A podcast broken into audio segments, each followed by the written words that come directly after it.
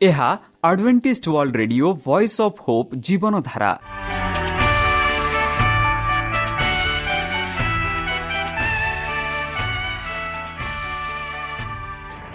Odia radio କାର୍ଯ୍ୟକ୍ରମ ଯାହା ଆମର ଆନ୍ତର୍ଜାତୀୟ ଆଘାତ କେନ୍ଦ୍ରରୁ ପ୍ରସାରଣ କରାଯାଉଛି ପ୍ରତିଦିନ ରାତି ନଅଟା ତିରିଶ ମିନିଟ୍ରେ। ମୁଁ ସୁବ୍ରତ କୁମାର ପତି ପ୍ରେମର ସହ ଆପଣମାନଙ୍କୁ ଏହି କାର୍ଯ୍ୟକ୍ରମକୁ ସ୍ୱାଗତ କରୁଅଛି। ଚାଲନ୍ତୁ ଆଜିର ତିରିଶ ମିନିଟ୍ର କାର୍ଯ୍ୟକ୍ରମ ବିଷୟରେ ଜାଣିନେବା। ପ୍ରଥମେ ରଖିଛୁ ଆଧ୍ୟାତ୍ମିକ ଭକ୍ତିମୟ ଗୀତ। ଏହାପରେ ଶୁଣିବା ସ୍ୱାସ୍ଥ୍ୟ ବିଷୟରେ ଯାହା ଆମର ଦୈନିକ ଜୀବନରେ ଅତ୍ୟନ୍ତ ଜରୁରୀ। ଆଉ ପରିଶେଷରେ ଶୁଣିବା ପରମେଶ୍ୱରଙ୍କ ଭକ୍ତଙ୍କଠାରୁ ଜୀବନଦାୟକ ଈଶ୍ୱରଙ୍କ ବାକ୍ୟ। ପ୍ରିୟ ଶ୍ରୋତା ତାହେଲେ ଚାଲନ୍ତୁ ଶୁଣିବା ଏକ ଆଧ୍ୟାତ୍ମିକ ଭକ୍ତିମୟ ଗୀତ।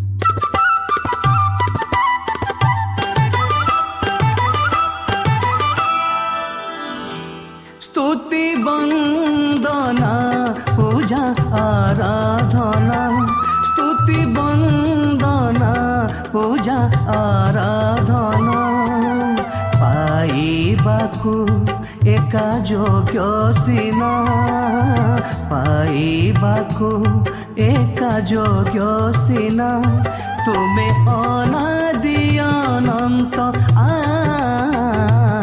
ସ୍ତୁତି ବନ୍ଦନା ପୂଜା ଆରାଧନା ସ୍ତୁତି ବନ୍ଦନା ପୂଜା ଆରାଧନା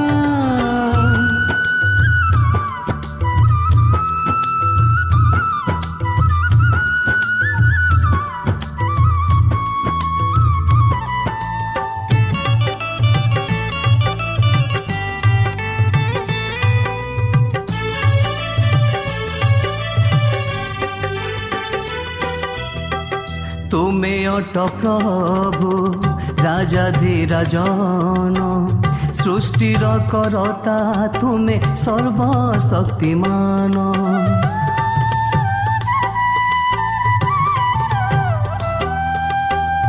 ତୁମେ ଅଟ ପ୍ରଭୁ ରାଜାଧିରାଜନ ସୃଷ୍ଟିର କରତା ତୁମେ ସର୍ବଶକ୍ତିମାନ ଶୁଷ୍କ ଅସ୍ତି ସବୁ ସଜୀବ ହେବାକୁ ବୁହାଇଲ ପ୍ରାଣ ବାୟୁ ଚାରି ଦିଗୁ ମହାବୀର ସେନା ସରଜିଲ ମୃତ୍ୟୁ କବଳରୁ ସ୍ତୁତି ବନ୍ଦନା ପୂଜା ଆରାଧନା ସ୍ତୁତି ବନ୍ଦନା ପୂଜା ଆରାଧନା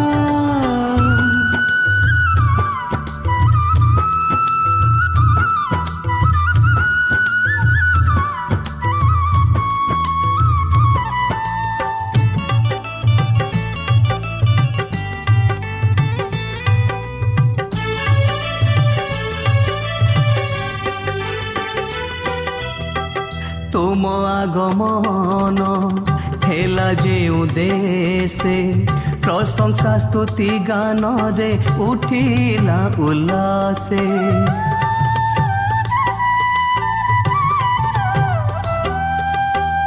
তুম আগমন হেলা যে উদেশে প্রশংসা স্তুতি গানরে উঠিলা উল্লাসে তুমরি ডাক ପାପର ମୃତ୍ୟୁର ବନ୍ଧନ ଆସିଲା ଲାଜାର। ହାଲେ ଲୁୟା ସ୍ତୁତି ବନ୍ଦନାରେ ତୁମ ପୂଜା କର। ସ୍ତୁତି ବନ୍ଦନା ପୂଜା ଆରାଧନା। ସ୍ତୁତି ବନ୍ଦନା ପୂଜା ଆରାଧନା। ପାଇବାକୁ ଏକା ଯୋଗ୍ୟ ସିନା। ପାଇବାକୁ ଏକା ଯୋଗ୍ୟ ସିନା ତୁମେ ଅନାଦି ଅନନ୍ତ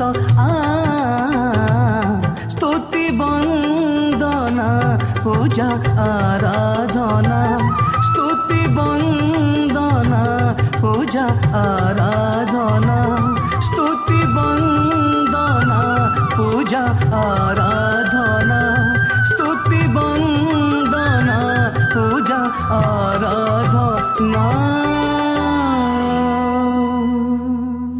শ্রোতা আমি আশা করুଛୁ ଯେ ଆମର କାର୍ଯ୍ୟକ୍ରମ ଆପଣମାନଙ୍କୁ ପସନ୍ଦ ଲାଗୁଥିବ ଆପଣଙ୍କର ମତାମତ ଜଣାଇବା ପାଇଁ ଆମର ଏହି ଠିକଣାରେ ଯୋଗାଯୋଗ କରନ୍ତୁ ଆମ ଠିକଣା Adventist media centre S D A mission compound Salisbury park Pune ଚାରି ଏକ ଏକ ଶୂନ ତିନି ସାତ ମହାରାଷ୍ଟ୍ର ବା ଖୋଲନ୍ତୁ ଆମର ୱେବ୍ସାଇଟ୍ ଯେକୌଣସି android phone smartphone desktop laptop କିମ୍ବା ଟ୍ୟାବ୍ଲେଟ୍ ଆମର website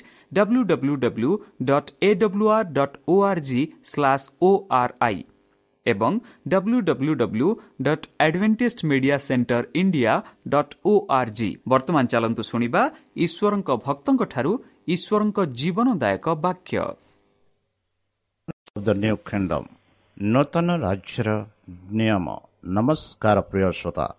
ସେହି ସର୍ବଶକ୍ତି ସର୍ବଜ୍ଞାନୀ ପ୍ରେମର ସାଗର ଦୟାମୟ ଅନ୍ତର୍ଜମୀ ଅନୁଗ୍ରହ ପରମ ପିତାଙ୍କ ମଧୁର ନାମରେ ମୁଁ ପାଷ୍ଟର ପୂର୍ଣ୍ଣଚନ୍ଦ୍ର ଆଉ ଥରେ ଆପଣମାନଙ୍କୁ ଏହି କାର୍ଯ୍ୟକ୍ରମରେ ସ୍ୱାଗତ କରୁଅଛି ପ୍ରିୟ ଶ୍ରୋତା ସେହି ସର୍ବଶକ୍ତି ପରମେଶ୍ୱର ଆପଣମାନଙ୍କୁ ଆଶୀର୍ବାଦ କରନ୍ତୁ ଆପଣଙ୍କୁ ସମସ୍ତ ପ୍ରକାର ଦୁଃଖ କଷ୍ଟ ବାଧା କ୍ଲେଶ ଓ ରୋଗରୁ ଦୂରେଇ ରଖୁ ବିଶେଷ ଭାବରେ ବର୍ତ୍ତମାନ ଯେଉଁ କରୁଣା ମହାମାରୀ ସାରା ପୃଥିବୀକୁ ଆପଣା ପ୍ରଭାବ ଦେଖାଉଅଛି। ସେହି ପ୍ରଭାବରୁ ସେହି ପରମେଶ୍ୱର ଆପଣଙ୍କୁ ସୁରକ୍ଷାରେ ରଖନ୍ତୁ। ତାହାଙ୍କ ପ୍ରେମ ତାହାଙ୍କ ଶାନ୍ତି ତାହାଙ୍କ ସ୍ନେହ ତାହାଙ୍କ ଅନୁଗ୍ରହ ସଦାସର୍ବଦା ଆପଣଙ୍କଠାରେ ସହବର୍ତ୍ତୀ ରହୁ। ପ୍ରିୟ ଶ୍ରୋତା ଚାଲନ୍ତୁ। ଆଜି ଆମ୍ଭେମାନେ କିଛି ସମୟ ପବିତ୍ର ଶାସ୍ତ୍ର ବାଇବଲ୍ଠୁ ତାହାଙ୍କ ଜୀବନଦାୟକ ବାକ୍ୟ ଧ୍ୟାନ କରିବା। ଆଜିର ଆଲୋଚନା ହେଉଛି ନୂତନ ରାଜ୍ୟର ନିୟମ। ବନ୍ଧୁ ନିସ୍ତାର ପର୍ବର ସମୟ ପାଖେଇ ଆସୁଥିଲା ଏବଂ ଯୀଶୁ ପୁନର୍ବାର ଜେରୁସାଲମ ଆଡ଼କୁ ଗଲେ। ତାଙ୍କ ହୃଦୟରେ ପିତାଙ୍କ ଇଚ୍ଛା ସହିତ ସମ୍ପୂର୍ଣ୍ଣ ଏକତାର ଶାନ୍ତି ଥିଲା ଏବଂ ଉତ୍ସାହର ସହିତ ସେ ବଳିସ୍ଥାନ ଆଡ଼କୁ ଅଗ୍ରସର ହେଲେ। କିନ୍ତୁ ଏକ ରହସ୍ୟ ସନ୍ଦେହ ଏବଂ ଭୟର ଶିଷ୍ୟମାନଙ୍କ ଉପରେ ପଡ଼ିଲା। ତ୍ରାଣକର୍ତ୍ତା ସେମାନଙ୍କ ଆଗେଇ ଗଲେ ସେମାନେ ଆଶ୍ଚର୍ଯ୍ୟ ହୋଇଗଲେ ଏବଂ ସେମାନେ ଅନୁସରଣ କଲେ ସେମାନେ ଭୟଭୀତ ହେଲେ। ପୁନର୍ବାର ଖ୍ରୀଷ୍ଟ ତାଙ୍କ ବିଷୟରେ ବାରଣଙ୍କୁ ଡାକିଲେ ଏବଂ ପୂର୍ବ ଅପେକ୍ଷା ଅଧିକ ନିର୍ଦ୍ଧାଷ୍ଟିତ ସହିତ ସେ ସେମାନଙ୍କ ପ୍ରତି ବିଶ୍ୱାସଘାତତା ଏବଂ ଯନ୍ତ୍ରଣା ଭୋଗ କଲେ। ସେ କହିଲେ ଦେଖ ଆମେ ଜେରୁସାଲମକୁ ଯାଉ ଏବଂ ମନୁଷ୍ୟପୁତ୍ରଙ୍କ ବିଷୟରେ ଭବିଷ୍ୟତ ଭକ୍ତମାନେ ଦେଖିଥିବା ସମସ୍ତ କାର୍ଯ୍ୟ ସମାପ୍ତ ହେବ। କାରଣ ସେ ଅନଜୁହୁଦୀମାନଙ୍କ ନିକଟରେ ସମର୍ପିତ ହେବେ। ସେମାନଙ୍କୁ ପରିହାସ କରାଯିବ ଏବଂ ନିନ୍ଦା କରାଯିବ ଏବଂ ସେମାନେ ଛେପ ପକାଇବେ। ସେମାନେ ତାହାଙ୍କୁ ଚାପୁଡ଼ା ମାରି ହତ୍ୟା କରିବେ। ଦ୍ୱିତୀୟ ଦିନ ସେ ପୁନରୁତ୍ଥିତ ହେବା ଏବଂ ସେମାନେ ଏସବୁ ବିଷୟରେ କିଛି ବୁଝିପାରିଲେ ନାହିଁ।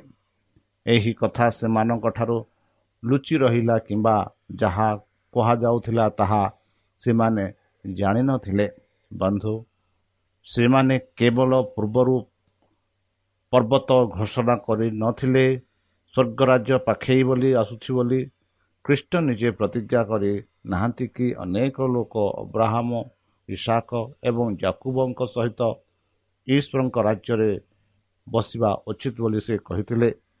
ଯେଉଁମାନେ ତାଙ୍କ ପାଇଁ ଏହି ଜୀବନରେ ଶହେ ଗୁଣ ଏବଂ ତାଙ୍କ ରାଜ୍ୟରେ କିଛି ଅଂଶ ଛାଡ଼ିଛନ୍ତି ସମସ୍ତଙ୍କୁ ସେହି ପ୍ରତିଜ୍ଞା କରି ନାହାନ୍ତି କି ବୋଲି କହିଲେ। ଏବଂ ସେ ବାରଣଙ୍କୁ ତାଙ୍କ ରାଜ୍ୟର ଉଚ୍ଚ ସମ୍ମାନର ପଦର ବିଶେଷ ପ୍ରତିଜ୍ଞା ଦେଇନାହାନ୍ତି କି? ସିଂହାସନରେ ବସି ଇସ୍ରାଏଲର ବାର ଗୋଷ୍ଠୀର ବିଚାର କରିବେ। ଏପରିକି ବର୍ତ୍ତମାନ ସେ କହିଥିଲେ ଯେ ଭବିଷ୍ୟତ ଭକ୍ତମାନଙ୍କ ବିଷୟରେ ଲେଖାଯାଇଥିବା ସମସ୍ତ ବିଷୟ ପୂରଣ ହେବା ଉଚିତ ଏବଂ ଭବିଷ୍ୟତ ଭକ୍ତମାନେ କୃଷ୍ଣଙ୍କ ରାଜତ୍ୱର ଗୌରବ ବିଷୟରେ ଭବିଷ୍ୟତବାଣୀ କରିନାହାନ୍ତି କି? ଏହି ଚିନ୍ତାଧାରାକୁ ଦୃଷ୍ଟିରେ ରଖି ବିଶ୍ୱାସଘାତତା ନିର୍ଯାତନା ଏବଂ ମୃତ୍ୟୁ ବିଷୟରେ ତାଙ୍କ ବାକ୍ୟ ଅସ୍ପଷ୍ଟ ଏବଂ ଛାୟା ପରି ମନେ ହେଉଥିଲା। କୌଣସି ଅସୁବିଧା ଏଥିରେ ହସ୍ତପେକ୍ଷ କରିପାରେ। ସମସ୍ତେ ବିଶ୍ୱାସ କରୁଥିଲେ ଯେ ଶୀଘ୍ର ରାଜ୍ୟ ପ୍ରତିଷ୍ଠା ହେବ। ବନ୍ଧୁ ଦେବୀଦୀଙ୍କ ପୁତ୍ର ଜହନ ପ୍ରଥମ ଦୁଇ ଶିଷ୍ୟଙ୍କ ମଧ୍ୟରୁ ଜଣେ ଥିଲେ ଯେଉଁମାନେ ଯୀଶୁଙ୍କୁ ଅନୁସରଣ କରୁଥିଲେ। ସେ ଏବଂ ତାଙ୍କ ଭାଇ ଯାଦବ ପ୍ରଥମ ଗୋଷ୍ଠୀ ମଧ୍ୟରେ ଥିଲେ। ଯେଉଁମାନେ ତାଙ୍କ ସେବା ପାଇଁ ସମସ୍ତଙ୍କୁ ଛାଡ଼ି ଦେଇଥିଲେ ଖୁସିରେ ସେମାନେ ଘର ଏବଂ ସାଙ୍ଗମାନଙ୍କୁ ପରିତ୍ୟାଗ କଲେ ଯେପରି ସେମାନେ ତାଙ୍କ ସହିତ ରହିବେ। ସେମାନେ ତାହାଙ୍କ ସହିତ କଥାବାର୍ତ୍ତା ହୋଇଥିଲେ। ସେମାନେ ଘରର ଗୋପନୀୟତା ଏବଂ ସର୍ବସାଧାରଣ ସଭାରେ ତାଙ୍କ ସହିତ ଥିଲେ। ସେ ସେମାନଙ୍କର ଭୟକୁ ଶାନ୍ତ କରିଥିଲେ। ସେମାନଙ୍କୁ ବିପଦରୁ ଉଦ୍ଧାର କରିଥିଲେ। ସେମାନଙ୍କ ଦୁଃଖକୁ ମୁକ୍ତି ଦେଇଥିଲେ। ସେମାନଙ୍କ ଦୁଃଖକୁ ସ୍ୱାନ୍ତନା ଦେଇଥିଲେ ଏବଂ ଧୈର୍ଯ୍ୟ ଏବଂ କୋମଳତା ସହିତ ସେମାନଙ୍କୁ ଶିକ୍ଷା ଦେଇଥିଲେ। ଯେପର୍ଯ୍ୟନ୍ତ ସେମାନଙ୍କ ହୃଦୟ ତାଙ୍କ ସହିତ ଜଡ଼ିତ ଥିବା ପରି ମନେ ହେଉଥିଲା ଏବଂ ସେମାନଙ୍କ ପ୍ରେମର ଉତ୍ସାହରେ ସେମାନେ ତାଙ୍କ ନିକଟର ହେବାକୁ ଇଚ୍ଛା କରିଥିଲେ ତାଙ୍କ ରାଜ୍ୟରେ ପ୍ରତ୍ୟେକ ସମ୍ଭାବ୍ୟ ସୁଯୋଗର ଜହନ ସ୍ଥାନକର୍ତ୍ତାଙ୍କ ପରେ ତାଙ୍କ ସ୍ଥାନ ଗ୍ରହଣ କଲେ। ଏବଂ ଯାଦବ ତାଙ୍କ ସହିତ ଘନିଷ୍ଠ ଭାବେ ସମ୍ମାନିତ ହେବାକୁ ଇଚ୍ଛା କଲେ। ସେମାନଙ୍କ ମାତା କୃଷ୍ଣଙ୍କର ଜଣେ ଅନୁଗାମୀ ଥିଲେ ଏବଂ ତାଙ୍କ ପଦାର୍ଥରୁ ମୁକ୍ତ ଭାବରେ ତାଙ୍କ ସେବା କରିଥିଲେ। ନିଜ ପୁଅମାନଙ୍କ ପାଇଁ ଏକ ମାତାର ସ୍ନେହ ଏବଂ ଉଚ୍ଚାଭିଳାଷ ସହିତ ସେ ସେମାନଙ୍କ ପାଇଁ ନୂତନ ରାଜ୍ୟର ସବୁଠାରୁ ସମ୍ମାନଜନକ ସ୍ଥାନ ଲୋଭ କଲେ। ଏଥିପାଇଁ ସେ ସେମାନଙ୍କୁ ଅନୁରୋଧ କରିବାକୁ ଉତ୍ସାହିତ କରୁଥିଲେ। ମାତା ଏବଂ ତାଙ୍କ ପୁତ୍ରମାନେ ଏକତ୍ରିତ ହୋଇ ଯୀଶୁଙ୍କ ନିକଟକୁ ଆସି ଅନୁରୋଧ କଲେ ଯେ ସେମାନଙ୍କ ହୃଦୟ ସ୍ଥିର ହୋଇଛି। ମୁଁ ତୁମ ପାଇଁ କ'ଣ କରିବି? ସେ ପ୍ରଶ୍ନ କରିଥିଲେ। ମାତା ଉତ୍ତର ଦେଲେ ମୋର ଦୁଇ ପୁତ୍ର ତୁମର ଡାହାଣ ପଟେ ଏବଂ ଅନ୍ୟଟି ବାମ ପଛରେ ତୁମ ରାଜ୍ୟରେ ବସନ୍ତୁ। ଯୀଶୁ ସେମାନଙ୍କ ସହିତ କୋମଳତ ସହିତ ସହ୍ୟ କରନ୍ତି। ନିଜ ଭାଇମାନଙ୍କ ଅପେକ୍ଷା ଅଧିକ ପସନ୍ଦ କରିବାକୁ ସେମାନଙ୍କ ସ୍ୱାର୍ଥକୁ ଭର୍ଜନା କରନ୍ତି ନାହିଁ। ସେ ସେମାନଙ୍କ ହୃଦୟ ପଢ଼ନ୍ତି ସେ ତାଙ୍କ ସହିତ ଥିବା ସମ୍ପର୍କର ଗଭୀରତା ଜାଣନ୍ତି। ସେମାନଙ୍କ ପ୍ରେମ କେବଳ ମାନବୀୟ ସ୍ନେହ ନୁହେଁ ଯଦିଓ ଏହାର ମାନବ ଚ୍ୟାନେଲ ପାର୍ଥିବତା ଦ୍ୱାରା ଅପବିତ୍ରତା ହୋଇଅଛି। ଏହା ହେଉଛି ତାଙ୍କର ମୁକ୍ତି ପ୍ରେମର ଋଣ। ସେ ଭର୍ଜନା କରିବେ ନାହିଁ କିନ୍ତୁ ଗଭୀର ଏବଂ ଶୁଦ୍ଧ କରିବେ।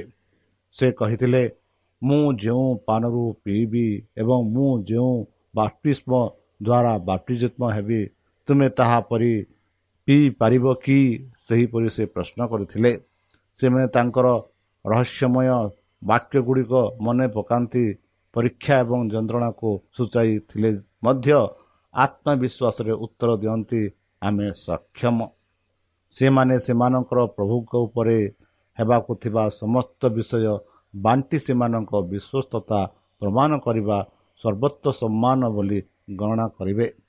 ସେ କହିଲେ ତୁମେ ମୋ ପାନରୁ ପାନ କରିବ ଓ ବାପ୍ତିଜିତ ହେବା ଦ୍ୱାରା ବାପ୍ତିଜିତ ହେବ। ତାଙ୍କ ସମ୍ମୁଖରେ ସିଂହାସନ ପରିବର୍ତ୍ତେ ଏକ କୃଷ ଦୁଇ ଜଣ ଦୁଷ୍କର୍ମୀକାରୀ ଏବଂ ଡାହାଣ ହାତରେ ଏବଂ ବାମ ପାର୍ଶ୍ୱରେ ଥିଲେ। ଜହନ ଓ ଜାକୁବ ସେମାନଙ୍କ ଗୁରୁଙ୍କ ସହିତ ଦୁଃଖର ଭାର ନେବେ। ଭାଇମାନେ ମଧ୍ୟରୁ ପ୍ରଥମେ ଖଣ୍ଡା ଦ୍ୱାରା ବିନାଶ ବିନଷ୍ଟ ହୋଇଥିଲା। ଅନ୍ୟଟି ପରିଶ୍ରମ ଅପମାନ ଏବଂ ନିର୍ଯାତନା ସହିବାକୁ ସବୁଠୁ ଲମ୍ବା। ସେ କହିଲେ କିନ୍ତୁ ମୋର ଡାହାଣ ପଟେ ଏବଂ ବାମ ପଟେ ବସିବା ମୋର ହେବା ମୋର ନୁହେଁ। କିନ୍ତୁ ଏହା ମୋ ପିତାଙ୍କ ପାଇଁ ପ୍ରସ୍ତୁତ ହୋଇଥିବା ଲୋକଙ୍କୁ ଦିଆଯିବ। ଈଶ୍ୱରଙ୍କ ରାଜ୍ୟରେ ପକ୍ଷପାତିତା ଦ୍ୱାରା ପାଦ ପ୍ରାପ୍ତ ହୁଏ ନାହିଁ। ଏହା ଅର୍ଜିତ ନୁହେଁ କିମ୍ବା ଏହା ଏକ ଇଚ୍ଛାଧୀନ ଉପହାର ମାଧ୍ୟମରେ ଗ୍ରହଣ କରାଯାଏ ନାହିଁ। ଏହା ଚରିତ୍ରର ଫଳାଫଳ। ମୁକୁଟ ଏବଂ ସିଂହାସନ ହେଉଛି ଏକ ସ୍ଥିରତି ଚିହ୍ନ ସେହିଗୁଡ଼ିକ ଆମର ପ୍ରଭୁ ଯୀଶୁଖ୍ରୀଷ୍ଟଙ୍କ ମାଧ୍ୟମରେ ଆତ୍ମା ବିଜୟର ଚିହ୍ନ। ବନ୍ଧୁ ବହୁ ସମୟ ପରେ ଯେତେବେଳେ ଶିଷ୍ୟଙ୍କୁ ତାଙ୍କ ଦୁଃଖର ସହଭାଗିତା ମାଧ୍ୟମରେ ଖ୍ରୀଷ୍ଟଙ୍କ ସହାନୁଭୂତି ଦେଖାଗଲା ପ୍ରଭୁ ଜହନଙ୍କୁ ତାଙ୍କ ରାଜ୍ୟର ବା ରାଜ୍ୟରେ ନିକଟର ହେବାର ଅବସ୍ଥା କ'ଣ ତାହା ପ୍ରକାଶ କଲେ? ଖ୍ରୀଷ୍ଟ କହନ୍ତି ଯିଏ ପରାଜିତ ହୁଏ ମୁଁ ତାଙ୍କ ସିଂହାସନରେ ବସିବା ପାଇଁ ଅନୁମତି ଦେବି। ଯେପରି ମୁଁ ମଧ୍ୟ ପରାଜିତ ହୋଇଅଛି ଏବଂ ମୋ ପିତାଙ୍କ ସହିତ ତାଙ୍କ ସିଂହାସନରେ ବସିଛି। ଯିଏ ପରାଜିତ ହୁଏ ମୁଁ ମୋର ପରମେଶ୍ୱରଙ୍କ ମନ୍ଦିରରେ ଏକ ସ୍ତମ୍ଭ ତିଆରି କରିବି ଏବଂ ସେ ଆଉ ବାହାରକୁ ଯିବେ ନାହିଁ। ମୁଁ ତାଙ୍କ ଉପରେ ମୋର ପରମେଶ୍ୱରଙ୍କ ନାମ ଲେଖିବି। ଏବଂ ମୁଁ ତାଙ୍କ ଉପରେ ମୋର ନୂତନ ନାମ ଲେଖିବି ଏହିପରି ପ୍ରକାଶିତ ବହିରେ ଲେଖା ଅଛି।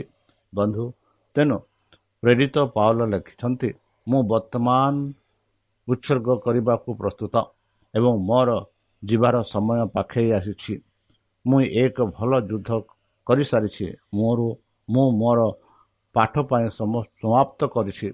ମୁଁ ବିଶ୍ୱାସ ରଖିଛି। ପରଠାରୁ ମୋ ପାଇଁ ଧାର୍ମିକତାର ମୁକୁଟ ରଖାଯାଇ ଯାହା ପ୍ରଭୁଙ୍କଠାରେ ଅଛି ବୋଲି ସେ କହିଥିଲେ। ଯିଏ ଖ୍ରୀଷ୍ଟଙ୍କ ନିକଟବର୍ତ୍ତୀ ସେ ପୃଥିବୀରେ ଯିଏ ନିଜର ଆତ୍ମା ବଳିଦାନ ପ୍ରେମର ଆତ୍ମାକୁ ଅଧିକ ଗଭୀର ଭାବରେ ମଦ୍ୟପାନ କରିଥିବେ ପ୍ରେମ ଓ ନିଜକୁ ଗର୍ବ କରେ ନାହିଁ ଗର୍ବ କରେ ନାହିଁ ସେ ନିଜକୁ ଖୋଜେ ନାହିଁ ନୁହେଁ। ସହଜରେ ଉତ୍ତେଜିତ କୌଣସି ମନ୍ଦ ଭାବନ୍ତି ନାହିଁ। ବନ୍ଧୁ ପ୍ରେମ ଯାହା ଶିଷ୍ୟଙ୍କୁ ଚଲାଇଥାଏ ଯେପରି ଏହା ଆମ ପ୍ରଭୁଙ୍କ ପ୍ରେରିତ କଲା ସମସ୍ତଙ୍କୁ ଦେବା ବଜିବା ପରିଶ୍ରମ କରିବା ଏବଂ ବଳିଦାନ ଏପରି ମୃତ୍ୟୁ ପର୍ଯ୍ୟନ୍ତ ମାନବିକତାର ରକ୍ଷା ପାଇଁ। ଏହି ଆତ୍ମା ପାଲଙ୍କ ଜୀବନରେ ପ୍ରକାଶିତ ହେଲା। ସେ କହିଥିଲେ ମୋ ପାଇଁ ବଞ୍ଚିବା ହେଉଛି ଖ୍ରୀଷ୍ଟଙ୍କ ଖ୍ରୀଷ୍ଟ କାରଣ ତାଙ୍କ ଜୀବନ ଖ୍ରୀଷ୍ଟଙ୍କ ମନୁଷ୍ୟମାନଙ୍କ ନିକଟରେ ପ୍ରକାଶ କଲା ଏବଂ ମରିବା ହେଉଛି ଲାଭ। ଖ୍ରୀଷ୍ଟଙ୍କ ପାଇଁ ଲାଭ। ମୃତ୍ୟୁ ନିଜେ ତାଙ୍କୁ ଅନୁଗ୍ରହର ଶକ୍ତି ପ୍ରକାଶ କରିବ ଏବଂ ତାଙ୍କ ନିକଟରେ ଆତ୍ମା ସଂଗ୍ରହ କରିବ। ସେ କହିଲେ ଖ୍ରୀଷ୍ଟ ମୋର ଶରୀରରେ ଗୌରବବାହାନ୍ୟ ହେବେ ଜୀବନ ହେଉ କିମ୍ବା ମୃତ୍ୟୁ ହେଉ।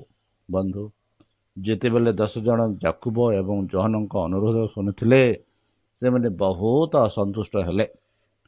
ରାଜ୍ୟର ସର୍ବସ୍ତ ସ୍ଥାନ ହେଉଛି ପ୍ରତ୍ୟେକ ନିଜ ପାଇଁ ଯାହା ଖୋଜୁଥିଲେ ଏବଂ ସେମାନେ କ୍ରୋଧିତ ହେଲେ ଯେ ଦୁଇ ଶିଷ୍ୟ ସେମାନଙ୍କ ପରେ ଏକ ସୁବିଧାଜନକ ଲାଭ ପାଇଛନ୍ତି।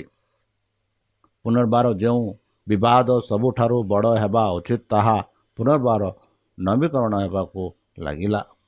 ଯେତେବେଳେ ଯୀଶୁ ସେମାନଙ୍କୁ ଡାକିଲେ କ୍ରୋଧିତ ଶିଷ୍ୟମାନଙ୍କୁ କହିଲେ ଆପଣ ଜାଣନ୍ତି ଯେ ଅନଜୁହୁଦୀମାନଙ୍କ ପରେ ଶାସନ କରିବାକୁ ହିସାବ ରଖାଯାଇଥିବା ଲୋକମାନେ ସେମାନଙ୍କ ଉପରେ ପ୍ରଭୁତ୍ୱ କରନ୍ତି।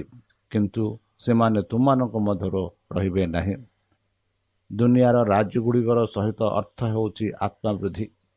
ଶାସକ ଶ୍ରେଣୀର ହିତ ପାଇଁ ଲୋକମାନେ ବିଦ୍ୟମାନ ରହିବା ଉଚିତ। ପ୍ରଭାବ ଧନ ଶିକ୍ଷା ନେତାଙ୍କ ବ୍ୟବହାର ପାଇଁ ଜନସାଧାରଣଙ୍କ ନିୟନ୍ତ୍ରଣ ହାସଲ କରିବାର ଅନେକ ମାଧ୍ୟମ ଥିଲା। ଉଚ୍ଚ ଶ୍ରେଣୀଗୁଡ଼ିକ ଭାବିବା ନିଷ୍ପତ୍ତି ନେବା ଉପଭୋଗ କରିବା ଏବଂ ଶାସକ କରିବା ନିମ୍ନ ମାନିବା ଏବଂ ସେବା କରିବା ଧର୍ମ ଅନ୍ୟ ସମସ୍ତ ବିଷୟ ପରି ପ୍ରାଧିକରଣ ବିଷୟ ଥିଲା। ଲୋକମାନେ ସେମାନଙ୍କ ଉଚ୍ଚ ଅଧିକାରୀଙ୍କ ନିର୍ଦ୍ଦେଶ ନୁଆଇ ବିଶ୍ୱାସ କରିବେ ଏବଂ ଅଭ୍ୟାସ କରିବେ ବୋଲି ଆଶା କରାଯାଉଥିଲା।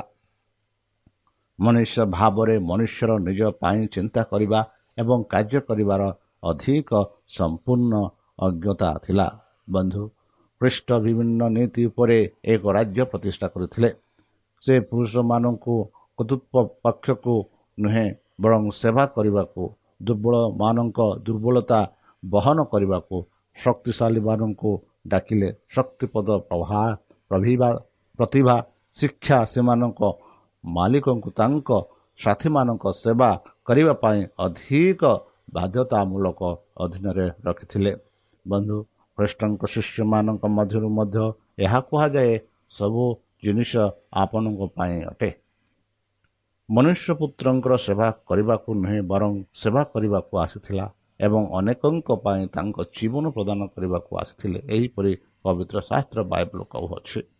ତାଙ୍କ ଶିଷ୍ୟମାନଙ୍କ ମଧ୍ୟରେ ଖ୍ରୀଷ୍ଟ ପ୍ରତ୍ୟେକ ଦୃଷ୍ଟିରୁ ଜଣେ ଯତ୍ନକାରୀ ଭାର ବହନକାରୀ ଥିଲେ।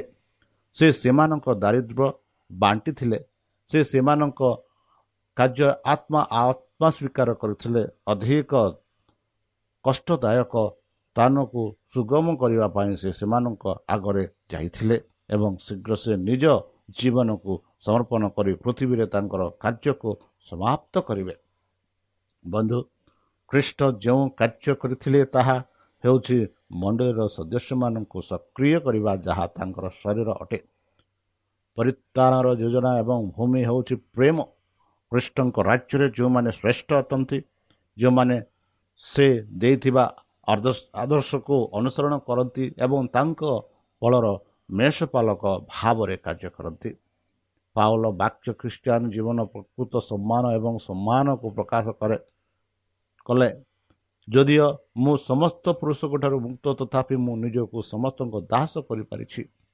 ମୋର ନିଜର ଲାଭ ନୁହେଁ ବରଂ ଅନେକଙ୍କ ଲାଭ ପାଇବାକୁ ଚାହୁଁଛି। ଉଦ୍ଧାର। ଏହା ସେ କହିଥିଲେ। ବିବେକ ପ୍ରସଙ୍ଗରେ ଆତ୍ମାକୁ ଅନବିଶ୍ୱାସ ହେବାକୁ ପଡ଼ିବ।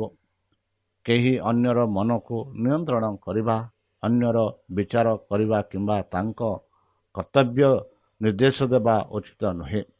ଈଶ୍ୱର ପ୍ରତ୍ୟେକ ପ୍ରାଣକୁ ଚିନ୍ତା କରିବାର ସ୍ୱାଧୀନତା ଦେଇଛନ୍ତି। ଏବଂ ନିଜର ବିଶ୍ୱାସକୁ ଅନୁସରଣ କରନ୍ତି। ଆମ୍ଭମାନଙ୍କ ମଧ୍ୟରୁ ପ୍ରତ୍ୟେକ ପରମେଶ୍ୱରଙ୍କ ନିକଟରେ ହିସାବ ଦେବାକୁ ହେବ। ନିଜର ବ୍ୟକ୍ତିଗତତା ଅନ୍ୟ ମିଶ୍ରଣ କରିବାର କାହାର ଅଧିକାର ନୁହେଁ। ସମସ୍ତ ପ୍ରସଙ୍ଗରେ ଯେଉଁମାନେ ନୀତି ଜଡ଼ିତ ଅଛି ପ୍ରତ୍ୟେକ ବ୍ୟକ୍ତି ନିଜ ମନରେ ସମ୍ପୂର୍ଣ୍ଣ ଭାବରେ ପ୍ରବର୍ତ୍ତିତ ହୁଅନ୍ତି। କୃଷ୍ଣଙ୍କ ରାଜ୍ୟରେ କୌଣସି ପ୍ରଭୁ ଅତ୍ୟାଚାର କିମ୍ବା କୌଣସି ବାଧ୍ୟମୂଳକତା ନୁହେଁ। ସ୍ୱର୍ଗର ଦୂତମାନେ ପୃଥିବୀକୁ ଶାସନ କରିବାକୁ ଏବଂ ଶ୍ରଦ୍ଧାଞ୍ଜଳି ଦେବାକୁ ଆସନ୍ତି। ନାହିଁ କିନ୍ତୁ ଦୟା ଦୂତ ଭାବରେ ମାନବିକତା ବୃଦ୍ଧି କରିବାରେ ପୁରୁଷମାନଙ୍କ ସହ ସହଯୋଗ କରିବାକୁ ଆସନ୍ତି।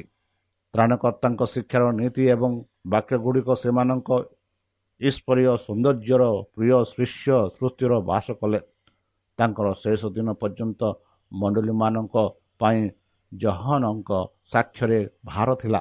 ଏହା ହେଉଛି ବାର୍ତ୍ତା ଯାହା ତୁମେ ଆରମ୍ଭରୁ ଶୁଣିଥିଲେ।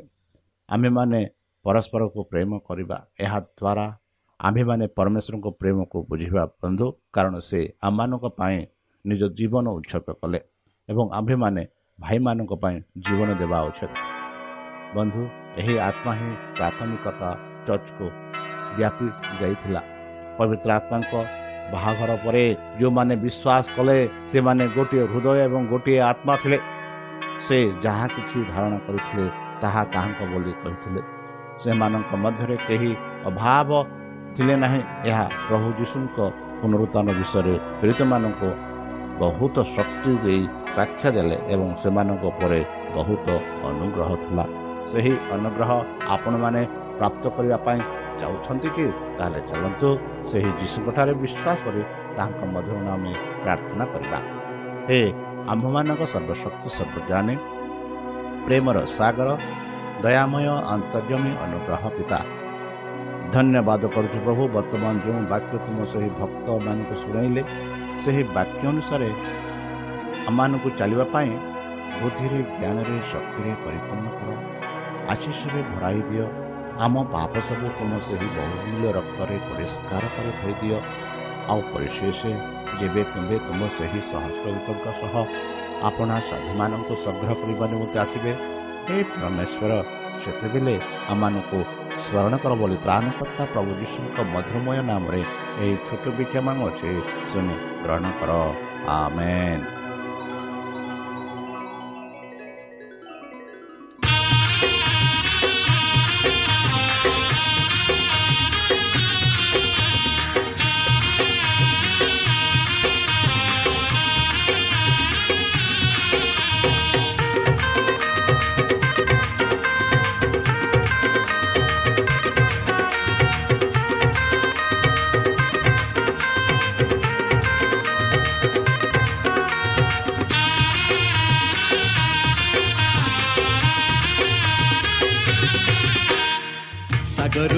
ଗଭୀର ଆକାଶ ଠୁଚ ସାଗରୁ ଗଭୀର ଆକାଶ ଠୁଚ ଯିଶୁ ତୁମ ପ୍ରେମ ଅସୀମ ଗାଇ ଗାଇ ସେଇ ନାମ ଭଜି ଭଜି ତୁମ ପ୍ରେମ ବିତି ଯାଉ ଏଇ ଜୀବନ ଗାଇ ଗାଇ ସେଇ ନାମ ଭଜି ଭଜି ତୁମ ପ୍ରେମ ବିତି ଯାଉ ଏଇ ଜୀବନ ସାଗରୁ ଗଭୀର ଆକାଶ ଠୁଚ ସାଗରୁ ଗଭୀର ଆକାଶ ଠୁଚ ଯିଶୁ ତୁମ ପ୍ରେମ ଅସୀମ ଗାଇ ଗାଇ ସେଇ ନାମ ଭଜି ଭଜି ତୁମ ପ୍ରେମ ବିତି ଯାଉ ଏ ଜୀବନ ଗାଇ ଗାଇ ସେଇ ନାମ ଭଜି ଭଜି ତୁମ ପ୍ରେମ ବିତି ଯାଉ ଏ ଜୀବନ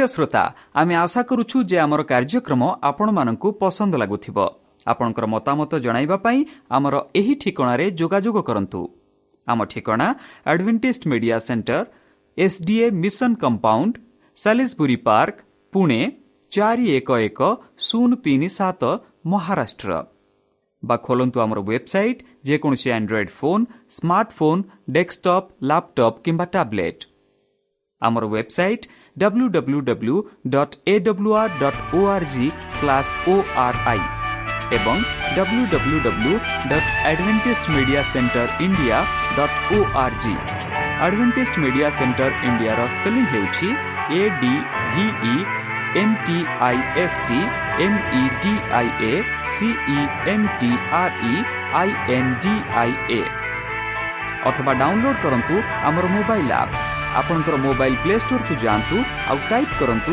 ଦ ଭଏସ୍ ଅଫ୍ ପୋପ୍ ଆଉ ଡାଉନଲୋଡ୍ କରନ୍ତୁ। ଈଶ୍ୱର ଆପଣଙ୍କୁ ଆଶୀର୍ବାଦ କରନ୍ତୁ। ଧନ୍ୟବାଦ।